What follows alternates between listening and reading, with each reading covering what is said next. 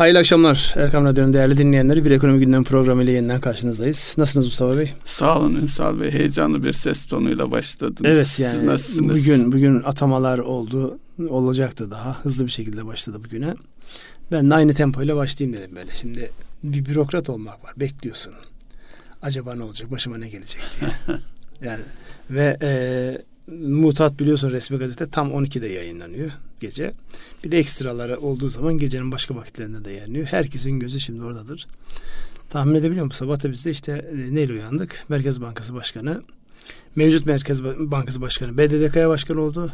Yeni yurt dışından ilk ve en genç e, bir hanımefendi ve en genç Merkez Bankası Başkanımızın ataması yapılmış oldu. Dolayısıyla yeni bir süreç hayırlı uğurlu olsun. Evet, her ikisine de hayırlı uğurlu olsun. Onun haricinde şimdi bir sürü bakanlıklarda özellikle e, görev bekleyen ya da mevcut görevde olup da ne olacağım ben diye bekleyenlerin Allah yardımcısı olsun diyelim. Ee, müsaade edin. Onlar da bürokraside o kadar da stres olsun. Evet o kadar da stres olsun diyorsun. Piyasada bizim çektiklerimizi yani onda birinde onlar stresli. Piyasadaki stresle kıyaslanmaz bile evet, diye düşünüyorum. Hiç, hiç tabii, kıyaslanmaz. Herkes kendi penceresinden bakıyor tabiatıyla. Evet. Şimdi e, Mehmet Şimşek'in e, Hazine ve Maliye Bakanı olduktan sonraki süreçte zaten gelmeden önceki çok yoğun konuşulan, neler olacağına dair konuşulan bir süreç yaşandı. Şimdi geldi. Atamalar yapılıyor. Burada özellikle bizim de e, Demirel'in meşhur e, 90 günde anahtar, iki anahtar mıydı, üç anahtar mıydı? Bir şey iki anahtardı o vaadinden sonra Amerikan başkanlık Şeyinde, seçimlerinde kullanılan galiba başkanlık seçimlerinde kullanılan ilk 90 gün e, ki bizde mesela özellikle danışmanlık yaptığımız firmalarda böyle atamalar yapıldığında ilk 90 gün koşluğu diye bir tabir var. Evet. Yani o kişinin 90 gün içerisinde aslında ne yap ne yapamayacağı belli olur. Onun için yani ölçü 90 mıdır, 100 müdür, 80 midir orası e, rivayetler muhtelif ama 90 günü baz aldığımızda şöyle değerlendirmek gerekir. Bir kişinin bir şey yapı yapmayacağı 90 günde belli olur. İnanıyor musunuz buna? Evet. Ben inanıyorum. Evet. Dolayısıyla e, bunun da bilincinde olduğu için gelen kişiler hemen atamalarını yaptılar. Yani daha rahat çalışabileceği en azından aynı lisanı konuşabileceği bir e, Merkez Bankası Başkanı ile çalışma en tabi hakkıdır. Zaten anlıyoruz ki seçim öncesinde ya da bu süreçte Mehmet Şimşek sıkı pazarlık yapmış ilk gün gelip o rasyonel zemine dönme açıklamasıyla başlayıp bugüne kadar devam ediyor. Önümüzdeki günlerde tabii bunların daha icraatını göreceğiz. Bir yorumlar mısınız? Yani Merkez Bankası'ndaki bu değişim, Mehmet Şimşek'in bu girişi, ayın 22'sindeki e, para politikası kurulunun toplanmasında herkesin işte şu an e, politika faiz totosu başladı. Kaç olur? E, 5000 bas puan mı, 3000 bas puan mı, 1500 bas puan mı yani herkes havalarda uçuşuyor. 20 bin bas puan mı? Tabii. Niye? Bas puan dediğimiz şey e, enflasyonla şu an hala hazırdaki e, faiz oranı, politika faiz oranı arasındaki farka bakıyorlar. Enflasyon kaç? 40'ın biraz altında. Politika faiz oranı kaç? 8.5. Dolayısıyla 8.5'e 40'a ne kadar yaklaştırılacak diye bununla alakalı herkes yazı tura atıyor. Yani kimsenin bu anlamda bir şey bildiği yok. Çünkü ne yaparsan götürür. Yani sekiz buçuğu on sekiz buçuk yapsan da götürür. Sekiz buçuğu on buçuk yapsan da götürür. Önemli olan oradaki hareket yani. Bugüne kadar hep aşağı doğru basarken özellikle Cumhurbaşkanımızın yeni dönemde de faiz hassasiyetimiz aynı şeyle devam edecek açıklamasından sonra herkes 22 Haziran'daki olacak para politikası kurulu bekliyor. Söz sizde buyurunuz. Şimdi e, bu Mehmet Şimşek'in e, söylemlerine veya ihtiyaç nedir diye baktığımız zaman şimdi mesela faiz oranıyla ilgili e, Toto dediniz beklentileri bir yelpaze içerisinde zikrettiniz. Yani yüzde kırkın üstüne çıkacak diyenden de yüzde on, on beş diyene kadar çeşitli şey var. Bu e, bir öngörülebilirlik ihtiyacı var. Tam da şu dönemde öngörülebilirlikle ilgili bir ihtiyaç olduğunu söyleyebiliriz e, bu kadar dağınık bir e, beklenti varsa e, demek ki burada çalışmak gerekiyor. Çözülmesi gereken şeylerden bir tanesi de bu. Bunun da mesajı verilmiş durumda. E, tabii e, yeni politika çerçevesinde e, yani bir yıl sonraki enflasyon tahminini dikkate alarak bir faiz öngörüsü e, planlanması bekleniyor. Çünkü geleceğe dönük e, enflasyon ne olacak? Dolayısıyla o enflasyon çerçevesinde ona yakın e, hele hele önden yüklemeli diye bir e, kavram var. Eğer öyle düşünüyorsan ilk anda şok bir yükseltip zaman içerisinde. Ağbal'ın yaptığı gibi. E, evet. E, onun da e, hızlandırma etkisi var. Yani ilacı e, ilk e, dozu yüksek almak gibi bir e, tanımla anlatılabilir. E, ya da onun hemen altında veya kademe kademe o yola doğru gitmek şeklinde olabilir. Ancak zaten şunu biliyoruz. Piyasadaki gerçekleşen faizle Merkez Bankası faiz arasında bir makas oluştu. Dolayısıyla hele hele kredi kullanan veya borçlu olan insanlar açısından bakarsak borçlu olanlara ve e, düşük faizli, düşük maliyetli kredi kullananlar lehine bir e, servet transferinin yaşandığı bir süreçten geçtik. Halen de geçmeye devam ediyoruz. Nispeten bankacılık sistemdeki makas e, daralmış olmasına rağmen. Hangi makastan bahsediyorsunuz? E, piyasanın e, mevduat Kurlar açısından mı? Yok, faiz, faiz oranları, e, bankaların e, piyasaya uyguladığı ve topladığı kaynaklara ve, e, verdikleri faiz açısından bakıyorum. Şimdi burada ben de bir iki e, katkı sağlayayım. Öncelikli olarak bir kere e, hükümetin yeni kabinenin açıklamasıyla beraber kurun 19'lardan 18.50-19'lardan 23'ün üzerine çıkıyor olması bu bir anlamda e, ateşin düşürülmesi imkanını sağladı. Yani çoktan beri zaten piyasayla e, Merkez Bankası kuru arasında bir makas oluşmuştu. Artı e, sürekli müdahalelerle e, Merkez Bankası tarafından daha düşük görünen kur serbest piyasada ihtiyaç duyduğunuzda çok ciddi bir fark ödeniyordu. O makasın kapanmış olması bu anlamda zihinleri bir netleştirdi. Yani e, beklentisi doların yükseleceği yönünde ya da dövizin yükseleceği yönünde olan insanları bu anlamda haklı çıkardı. Siz ne kadar baskı yaparsanız yapın. Eğer piyasa bir şeye inanmışsa o inandığı realize olana kadar sizi zorlar orada. Dolayısıyla işte bugün 23-50'ler e, biraz daha üzerine çıktı ama dengenin burada sağlanacağı gibi. Bir de dün küçük bir müdahale oldu yani. Merkez Bankası kaç gündür e, kayıtsız kalıyordu. Dün küçük bir müdahaleyle daha doğrusu bugün ve dün küçük bir müdahaleyle yani artık buralar yeter daha fazla abartmayın. E, biz bunu buralarda istiyoruz gibi bir mesaj verilmiş oldu. Çünkü bu sefer de dengeler bozuluyor. Nerede dengeler bozuluyor? İhracatçı diyordu ki işte yüzde on beş, yüzde yirmiye yakın bir e, devalüasyon bir anlamda ona ihtiyaç var. Fiyatın yenilenmesine ihtiyaç var. O gerçekleşti.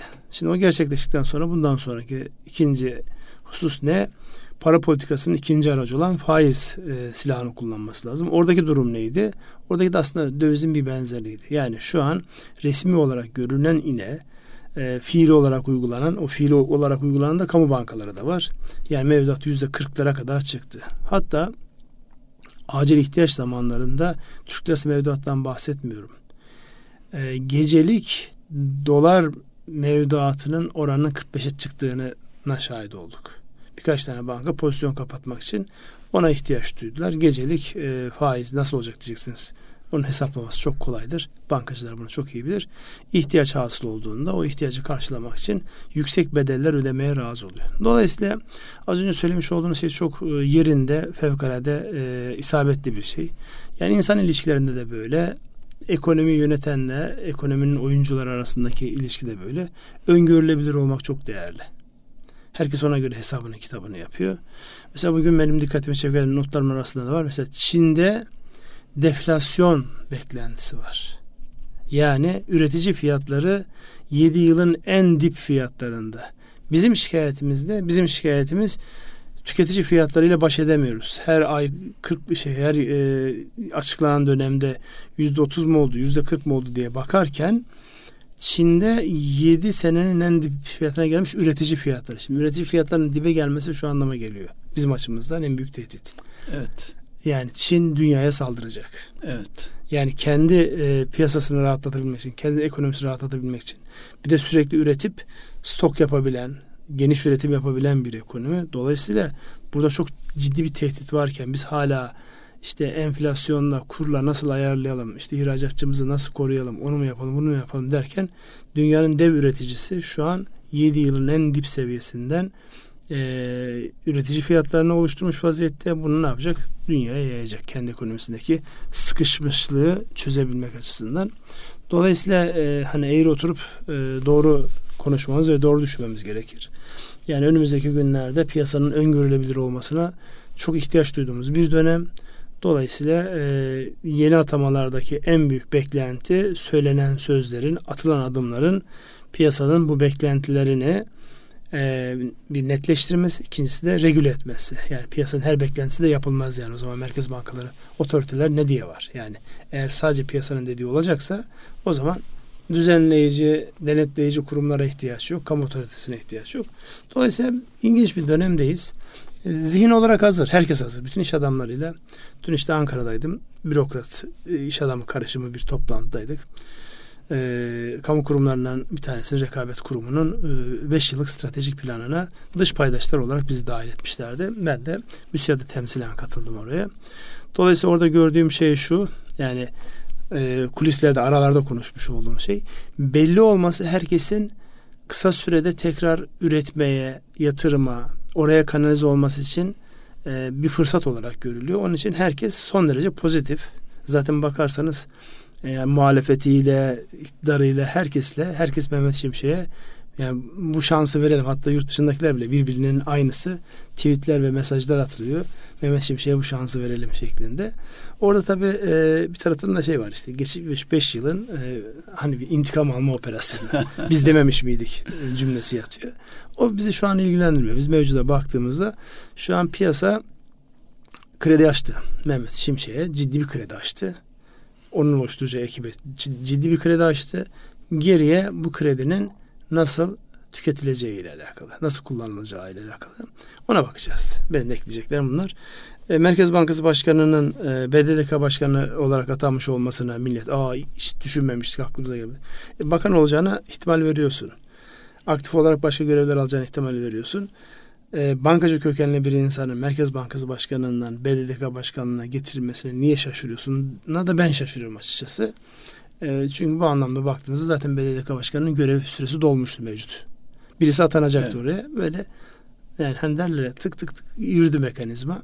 E, dolayısıyla orada da bir yani şaş, şaşırılacak bir durum yok. E, yani gideni de tanıyorduk, geleni de tanıyoruz. Yani bu anlamda e, ana belirleyici düzenleyicilerden ziyade özellikle hazine tarafında siyaseten irade koyacak olanlar daha bir nettir. Orada işte Cumhurbaşkanımızla e, Hazine Maliye Bakanı arasındaki konsensüs nasıl sağlanacak? E, Başkan Yardımcısı olarak atanan Cevdet Yılmaz'la e, Mehmet Şimşek arasındaki denge nasıl sağlanacak? Onları hep beraber izleyeceğiz. Evet BDDK Başkanı olarak atanması Şahap Bey'in de bence çok iyi olduğunu düşünüyorum. Zaten bankacılıktan geliyor.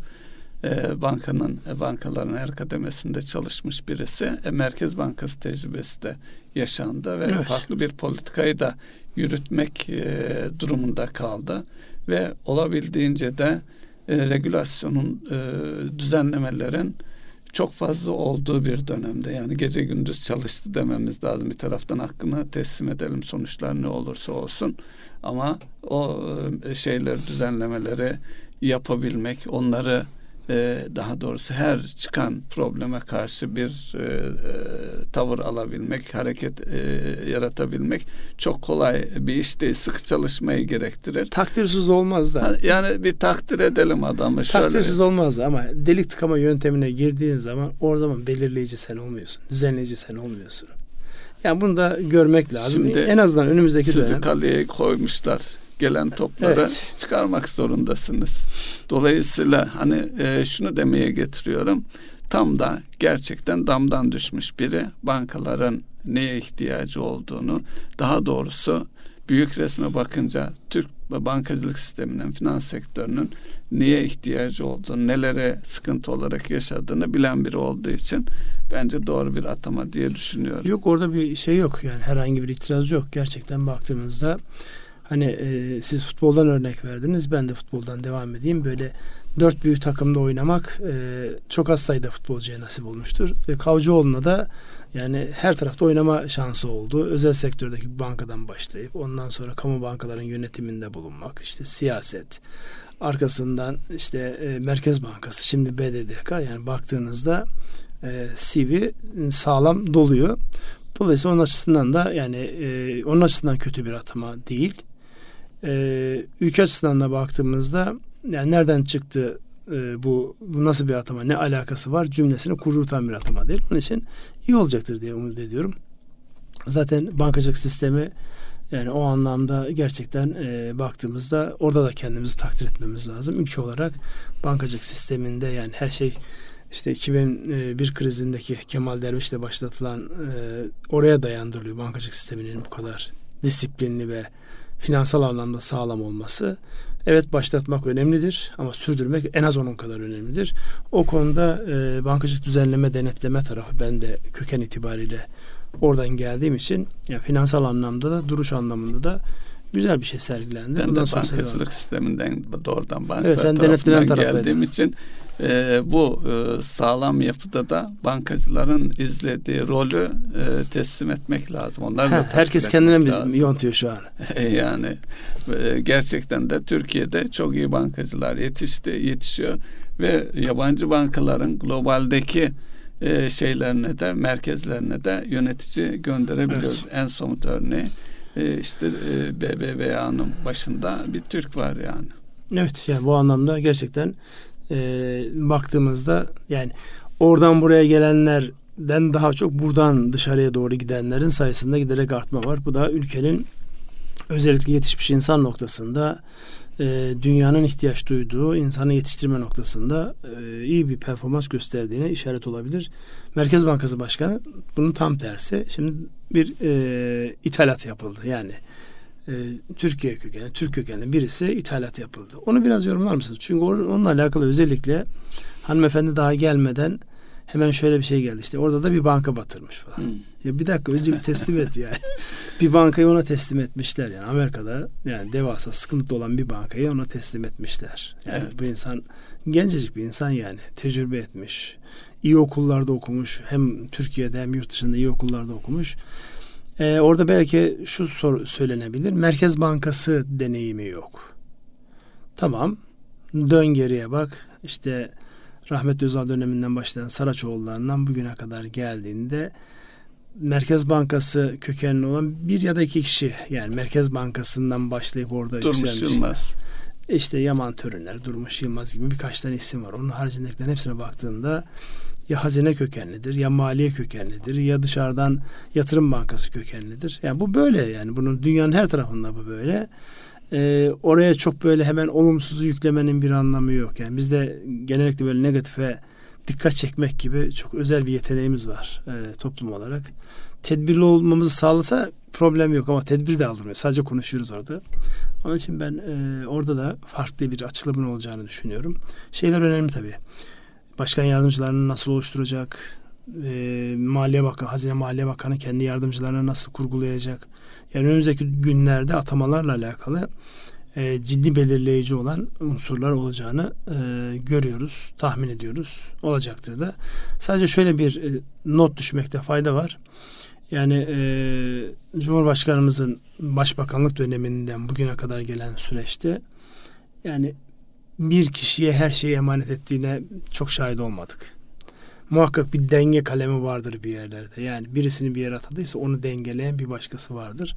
İşte Cevdet Yılmaz'ın orada olması klasik ekolden gelen yani Cumhurbaşkanı'nın tanıdığı birisi, bildiği birisi. Mehmet Şimşek'i de biliyor. Beraber çalışmışlıkları var ama orada bir denge unsuru olarak bütün alanın tek bir kişiye boşaltılması konusunda yani hiçbir dönemde yapmadı bunu. Bu dönemde de yapmayacak gibi. En azından işte denge unsurlarına Kavcıoğlu'nun bedele kayıtmasında bu anlamda bir denge unsuru olarak değerlendirmekte fayda var.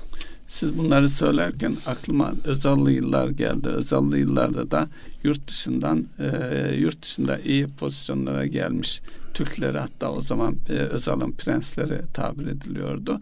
Türkiye'de kritik görevlere özellikle de finans sistemine e, getirmişti. Tabii o zaman ki, büyük bir dönüşüm vardı. Yani e, 24 Şubat kararları 80'deki hemen e, darbe, e, 80 darbesi öncesindeki e, çok büyük bir değişimde sonrası da Özal'la devam etti. Bunların bir kısmı başarılı oldu, bir kısmı başarısız oldu. O ayrı bir şey ama e, Merkez Bankası Başkanı için özellikle şu anda Türkiye'nin niye ihtiyacı var sorusu sorulduğunda e, dış kaynağa ihtiyacı var. Dış kaynak e, noktasında da ilişkiler, tanınırlık, bilinirlik e, özellikle e, Amerika'da kredibilitesi açısından yüksek kredibiliteye sahip, başarılı olmuş bir insan içimizden iyi yetişmiş, iyi okullarda okumuş. E, dolayısıyla onun e, e, Merkez Bankası Başkanı olması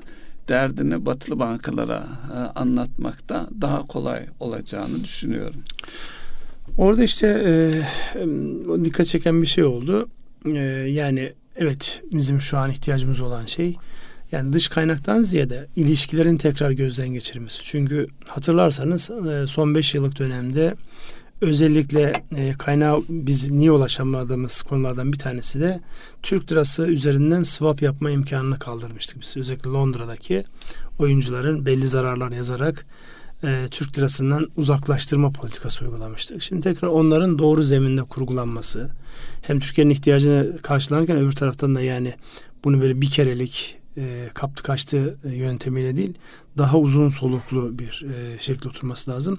Zaten buradaki en önemli göstergelerden bir tanesi e, CDS'ler dediğimiz işte bu e, kredilerin e, kötü duruma düştüğünde onun bir anlamda sigorta primi olan e, onun göstergesi olan CDS'ler işte 500'lerin altına inmişti. İşte merkez biraz böyle kurula müdahale falan başladı hemen tekrar 500'ün üzerine çıktı. Yani tabiri caizse dinleyenler e, affetsinler dansınızı görelim diyorlar. Ya nasıl dans ediyorsunuz? Bir görelim ondan sonra e, biz burada riskleri aşağı indiririz ve size istediğimiz olduğunuz ihtiyacınız olan kaynağı aktarırız diyorlar. Dolayısıyla e, hem Mehmet Şimşek anlamında hem de e, e, Gaye Erkan anlamında baktığımızda e, bunu sağlayabilecek, bu iletişimi sağlayabilecek e, donanım ve e, tecrübe var, ilişki yumağı var. Dolayısıyla önümüzdeki dönemde yani yani Kavcıoğlu'na göre de ondan öncekilerine göre de daha içe yönelik insanlardı bunlar. Yani çok eskiye gitmiyorum. Bu daha dışa dönük, onların aynı dili konuşabilecek insanlar olması sebebiyle dediğinize katılıyorum. Burada bir mesafe kat edilecektir. Evet başka? Ee, yani, e, kurla siyaseti... ilgili şimdi e, kurla ilgili de bir toto e, gündemde. Onunla ilgili neler söylersiniz? Şimdi 25 olacak diyen var. 30 e, hatta orada da işte 40 falan diyen insanlar da kendi biraz da e, bilinçaltlarında e, e, yatan işte bir revanşist e, işte bak gördünüz mü demiştikçe e, tayfanın ucu açık e, söylemleri var. Nasıl değerlendirmek gerekir? Çünkü kimle karşılaşırsak e, birkaç gün içerisinde e, iki gün önce yüzde yedilik bir e, dövizdeki sıçrama nedeniyle herkes daha doğrusu herkes derken rastladığım insanların ilk birinci konusu iş adamları özellikle kur burada durur mu daha nereye kadar gider ne olur diye soruyorlar ben de onların sorularını size taşımış olayım. Şimdi kur konusunda da genelde piyasalarda beklentiler konusunda yani mutlak bilen birileri olsa o birileri zaten akla ziyan işler yapar. Dünyanın en zengin insanları olur. Onun için mutlak şöyle olacaktır demek yani kimsenin bilgisi dahilinde de değil, haddi de değil. Ama ne olabilir konusunda şahsi kanaatim ve piyasada gözlemlediğim bizim gibi e, piyasayı yakından izleyen insanların biraz yani kanaati yüzde yüz ortak kanaat değil ama çoğunluğun kanaati şu yönde e, dövizin ateşi alındı. Yani buralar dövizin ateşini alındı. Bundan sonra böyle hani yeni zirveler görsek dahi böyle günde yüzde yedi yüzde sekizlik zirveyi görmeyiz. O şok olmasında şöyle bir güzelliği var. E, oldu ve arkası gelmediği zaman ha tamam yani bu kadarmış cümlesini kurdu. Aksi takdirde her gün böyle minik minik minik artışlar insanların ya bu kesilmeden devam edecek. Dolayısıyla oraya olan ilgiyi alakayı arttırıyor. Ben bu e, şok olarak e, artmasının ve onun etkisinin negatif olacağını düşünmüyorum. Şahsi kanaatim o yönde. E, ve buranın da çok üzerine gideceğini de düşünmüyorum. Çünkü 23-24 bandı e, zaten insanların konuştuğu yani daha doğrusu şöyle yüzde yirmilik bir artış herkesin e, ihracatçının beklentisini karşılıyor. Sıkışmış olan özellikle ithalatı çok cazip hale getiren bir kur, kur seviyesi vardı. ithalat cazip olduğu için onun karşısında üretim yapamayan üreticilerin sıkıntısını, sıkışıklığını çözüyor. Dolayısıyla bu iyi bir oran. Sonrası sonrası spekülatif. Yani insanlar speküle edebilirler. Yani ani artışlarla sadece bize de bağlı değil. Dünya konjonktürünü orada görmek lazım. Çok böyle olağanüstü bir haber olur. İnsanlar işte dövize hücum ederler ya da işte altına hücum ederler. Bunun e, sadece bizim açımızdan değil. Yani burada özellikle e, bu konuları rahat görmek isteyen insanlar euro e, dolar e, paritesine baksınlar. Bir iniyor birin altına bir çıkıyor 1.12'lere 1.14'lere. Dolayısıyla oradaki yüzde 20 marj orada da oynuyor. Yüzde 20 büyük bir marj değil. Sadece buradaki e, bizim kafa yormamız gereken hadise bu kur artışı canımızı yakan, ülkedeki bütün gelir dengesizliğini bozan ve insanları e, bir anlamda rayından çıkaran, yolundan çıkaran bu enflasyona ilave bir katkı sağlar mı? Fakat ben e, şahsi kanaatim şu. Bizde özellikle şu beklenti enflasyonu konusunda yani şu için içerisinde ticareten çok etikte bulmadığım yaklaşımları bir bitirebilsek enflasyon da aşağı gelir. Fiyatlar da kontrol edilebilir. Biz de daha dönüp işimize gücümüze bakarız. Şu an insanlar e, özellikle bu enflasyonist süreçte malda yakalananlarla e, düşük e, finansman geliri şey gideri olan kredide olanlar ihya oldu. Onun haricinde yani ihtiyacı kadar malda stok yapmayan ve ihtiyacı olmayan arabaydı, ıvırdı, zıvırdı onları almayıp insanlar bu sefer onlar da kendilerini kötü hissettiler. Yani göz göre göre orada servetler küçüldü. Niye? Özellikle Türk lirasına bu anlamda güvenip inanıp Türk lirasında kalanlar bu anlamda ciddi bir bedel ödediler. Şimdi o bedellerin bir yansıması olacak. İşte kur korumalı mevduat ne olacak? Onun işte ön ödemelesinin önü kesildi. Ama kur korumalı mevduat birden ortadan kalkamaz. Çünkü o bir anlamda dövizi frenlemek için icat edilmiş bir aletti. Hala işe yaradığını düşünüyor hala işin, Tabii ki hala işe yarıyor. Yani şimdi millet şimdi oturmuş kurun 19'dan 23'e gelmesi işte hazineye 1 trilyon bilmem ne maliyet Oradan getiriyor. hareketle e, bütçe dengesini e, değerlendirseniz neler yani söylersiniz? Şimdi burada insanlar bu konuşmaları e, yapacaklar. Çünkü diyorum ya yani mutlak doğru diye bir şey yok. Bir adım atıyorsunuz bir taraf düzelirken öbür taraf yamuluyor. E, zaten öyle bir şey olsa yani insan haşa insan olmaktan çıkar başka bir boyuta geçer. Dolayısıyla bu bir e, öğrenme süreci. Dolayısıyla bunun evet bütçeye bir yükü olmuştur. Bilmem ne olmuştur ama öbür taraftan da şöyle bir avantaj var. Bunu defaatle konuştuk biz burada. Enflasyon en fazla devletlere yarar. Evet. Eğer enflasyon muhasebesi uygulamıyorsanız vergi gelirlerini tahsil ederken ya şu kadar enflasyondan geliyor ben senden şu kadar vergi almayayım gibi bir uygulama yoksa ki Türkiye'de yok. Ee, devlet buradan zararlı çıkmaz. Bizdeki dengeyi bozan ne oldu? Peş peşe işte deprem, seçim, işte EYT gibi hiç hükümetin düşünmediği bir şey gündeme geldi. İşte karşılıklı şeye geçtik, e, yarışlara geçtik. Sen kaç veriyorsun ben üzerine şu kadar vereyim. En son e, Çalışma Sosyal Güvenlik Bakanı gider ayak bir, laf etti. Şimdi herkes onu çıkarmaya çalışıyor. 500 dolar dedi. Şimdi 500 dolar onun söylediğinde 8500 9000 liraya geliyordu. Evet. 500 dolar şu an 12 bin liraya geliyor. Dolayısıyla yani bu belli makamlarda oturan insanları biz söyleriz biz ama sıradan insanlarız. bakınca hiç 500 doların üzerine çıktı vaki değil. Ee, 500 dolar şey. telaffuz etmiş olması zaten yeterince can evet, sıkıcı bir şey. Bir çıpalama oldu. E, tabii çıpalama oldu. Peki e, bu e, enflasyon muhasebesi dediniz. E, bu yıl sonuna uzatılmıştı. Uygulaması ertelenmişti. Şimdi bu da konuşuluyor enflasyonun bu şeyle. E, ertelenir mi yoksa bu yıl sonu itibariyle enflasyon muhasebesi işte, e, uygulamaya geçer Mustafa mi? abi gerçekçi olmak lazım. Biz enflasyonun böyle e, çok yukarılarda olduğu uzun süre yapışkan bir vaziyette yapışıp 50'lerde 60'larda Ama 100'lerde olduğu hesabı, herkesin hesabını etkileyecek bir husus. Ben şu kanaatteyim. Yani üst üste hiper enflasyonun yaşanmadığı dönemde ki yaşandığı dönemde bile Türkiye bunu uygulamadı uygulayamaz. Uyguladığı zaman bütün dengeler allak bullak olur. Ee, şirketler açısından yani bir varlık bir değer üretenler açısından baktığınızda e, malınız, mülkünüz ya da elinizdeki işte ham maddeniz durduğu yerde değerleniyor ve siz oradan bir vergi ödüyorsunuz. Tabii ki bunu azaltmak yani eğer bir adalet sağlayacaksınız bunu dengelemeniz icap eder. Ama yani benim e, işte yaklaşık 35-40 yıla varan iş hayatını gözlemlediğim kadarıyla bu Türkiye'de uygulanabilir bir şey değil. Ötelenmiş olması enflasyon belli bir şeyin altına geldi yani. 50'ler, 30'lar, 40'lar, 40'lar, 30'lar, 20'lere çekildiğinde zaten gündemden otomatik olarak kalkacaktır. Çünkü orada 50-50 birkaç yıl hatta 100'e yakın olması gerekiyor. Onun uluslararası standartlar var. Bunun için ben enflasyon muhasebesinin önümüzdeki dönemde herhangi bir şekilde gündem maddemiz olmayacak. Yani ertelenecek diyorsunuz. Ertelenecek değil, uygulanmayacak. Ee, e, işte şey, onun yöntemi ertelemekse, olarak, evet, evet, onun yöntemi ertelemekse evet ertelenecek. Evet, ertelendi, bir kez daha ertelenecek. Bence ertelenecek çünkü yani zihnen ona e, zihnen de diğer kamu dengeleri açısından baktığımızda da çok uygun değil. Evet devam edelim isterseniz. Ee, şimdi, Kurlarla alakalı yorumumuzu da yaptık. Yani e, bu hani e, şeyde yaparlar ya bu yatırım tavsiyesi değildir. şeklinde biz de e, oraya bir not düşelim. Yani döviz alın ya da almayın cümlesini e, biz kurmayız. Biz anlatırız, gördüğümüzü anlatırız. İnsanlar kendileri kararlar verir. Peki e, bu e, regülasyonların çok olduğu bir dönemden geçiyoruz.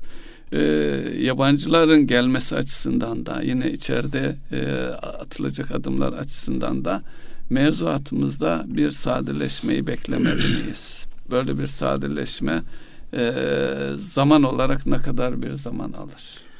Özellikle buradan şeye de bağlarsanız Ünsal Bey İstanbul e, Finans Merkezi e, oluşumuna da bağlarsanız.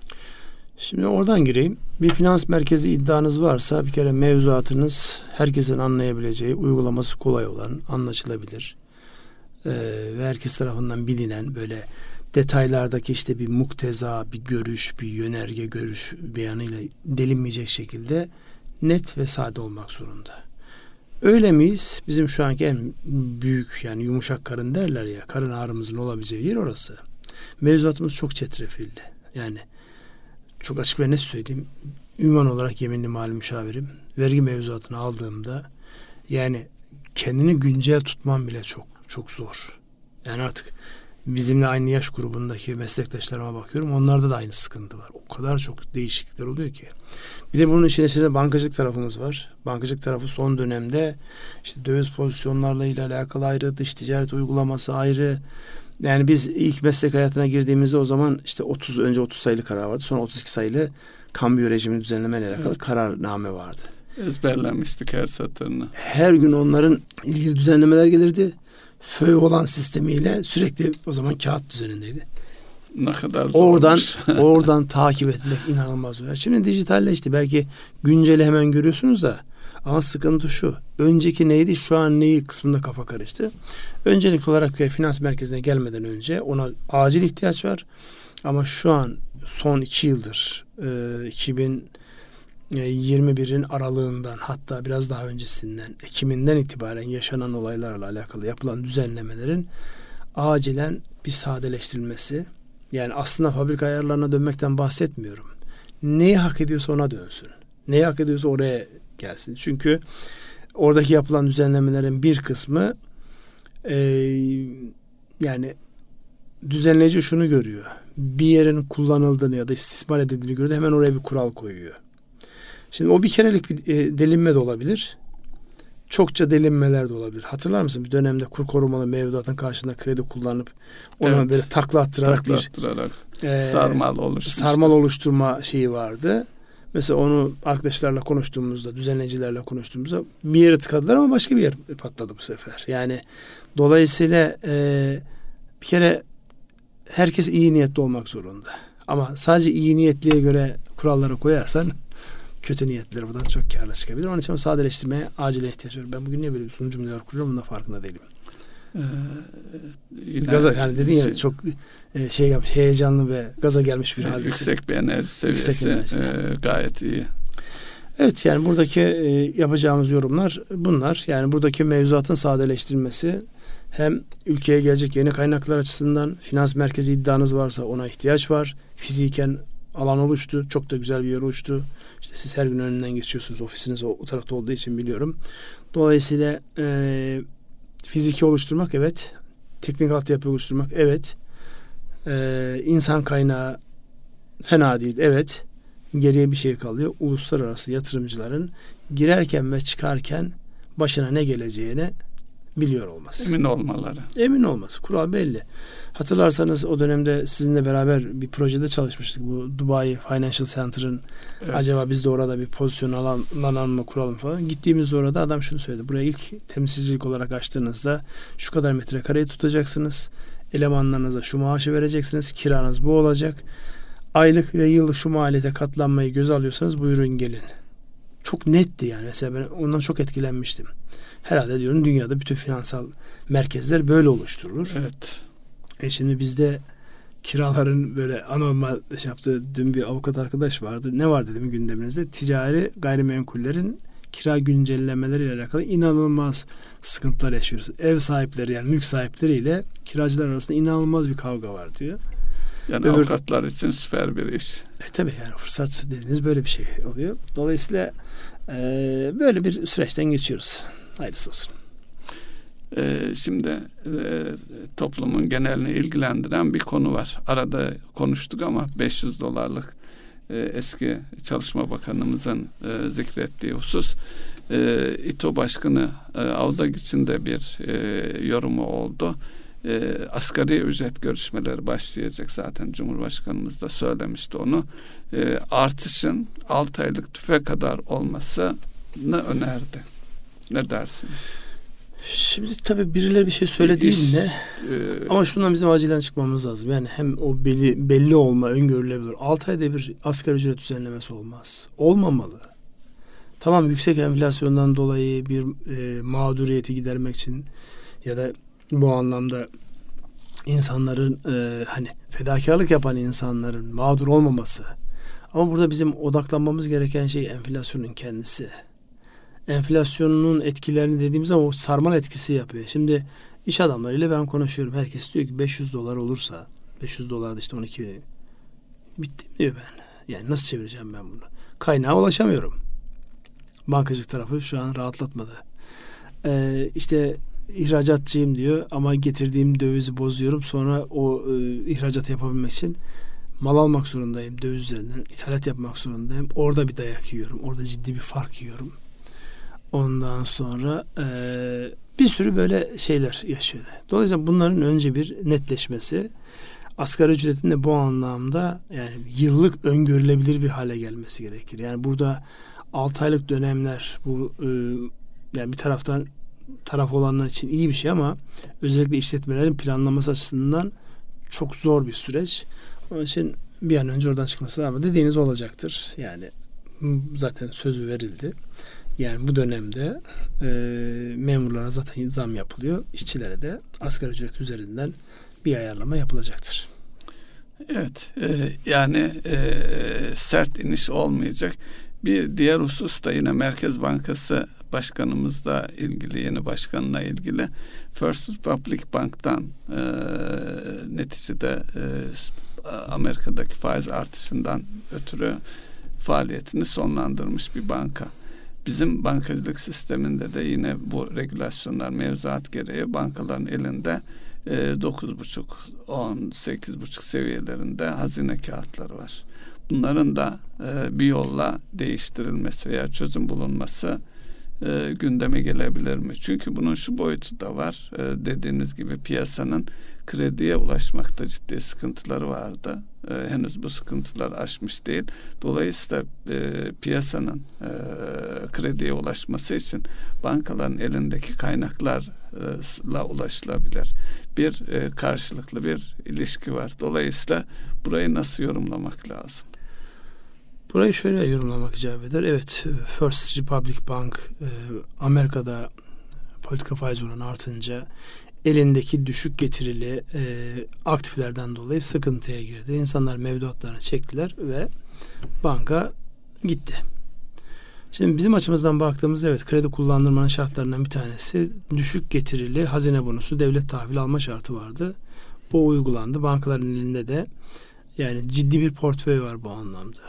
Şimdi e, çok hassas bir denge. Eğer bankaların elinden siz bu düşük getirili kağıtları alıp likitte etseniz, onlara para verirseniz enflasyonu tetikleme riskiniz var. Çünkü o yöntem hatırlarsanız 2008'de Lehman battığında 2009'dan itibaren e, bütün e, finans sektörünün, dünya finans sektörünün parasal genişlemeci yöntemi buydu. Herkesin elinde düşük getirili ya da çöp olmuş kağıtlar var. Onları bir şekilde likit etmeleri lazımdı. Merkez bankalar bunları likit. Dolayısıyla öyle bir süreç yaşandı. Yani bizde e, o kadar büyük müdür? Değildir. Fakat öyle bir ince denge ki hem parayı verip piyasayı sulandırmayacaksınız. Enflasyonu tetiklemeyeceksiniz. Ama öbür taraftan da insanların en azından yatırım, ihracat, istihdam gibi başlıklarda yürüyebilmesi için kaynak aktarmanız gerekiyor. Öyle ince bir denge var. Ee, uyarıyorlar bizi bitirin diye. Bugün, Buyurun. Bugün galiba böyle. Ee, değerli dinleyenler bir programın daha sonuna geldik. Dilimizin döndüğünce geçtiğimiz haftaki ekonomik olayları anlatmaya çalıştık. Hepinize hayırlı akşamlar diliyoruz. Hayırlı akşamlar.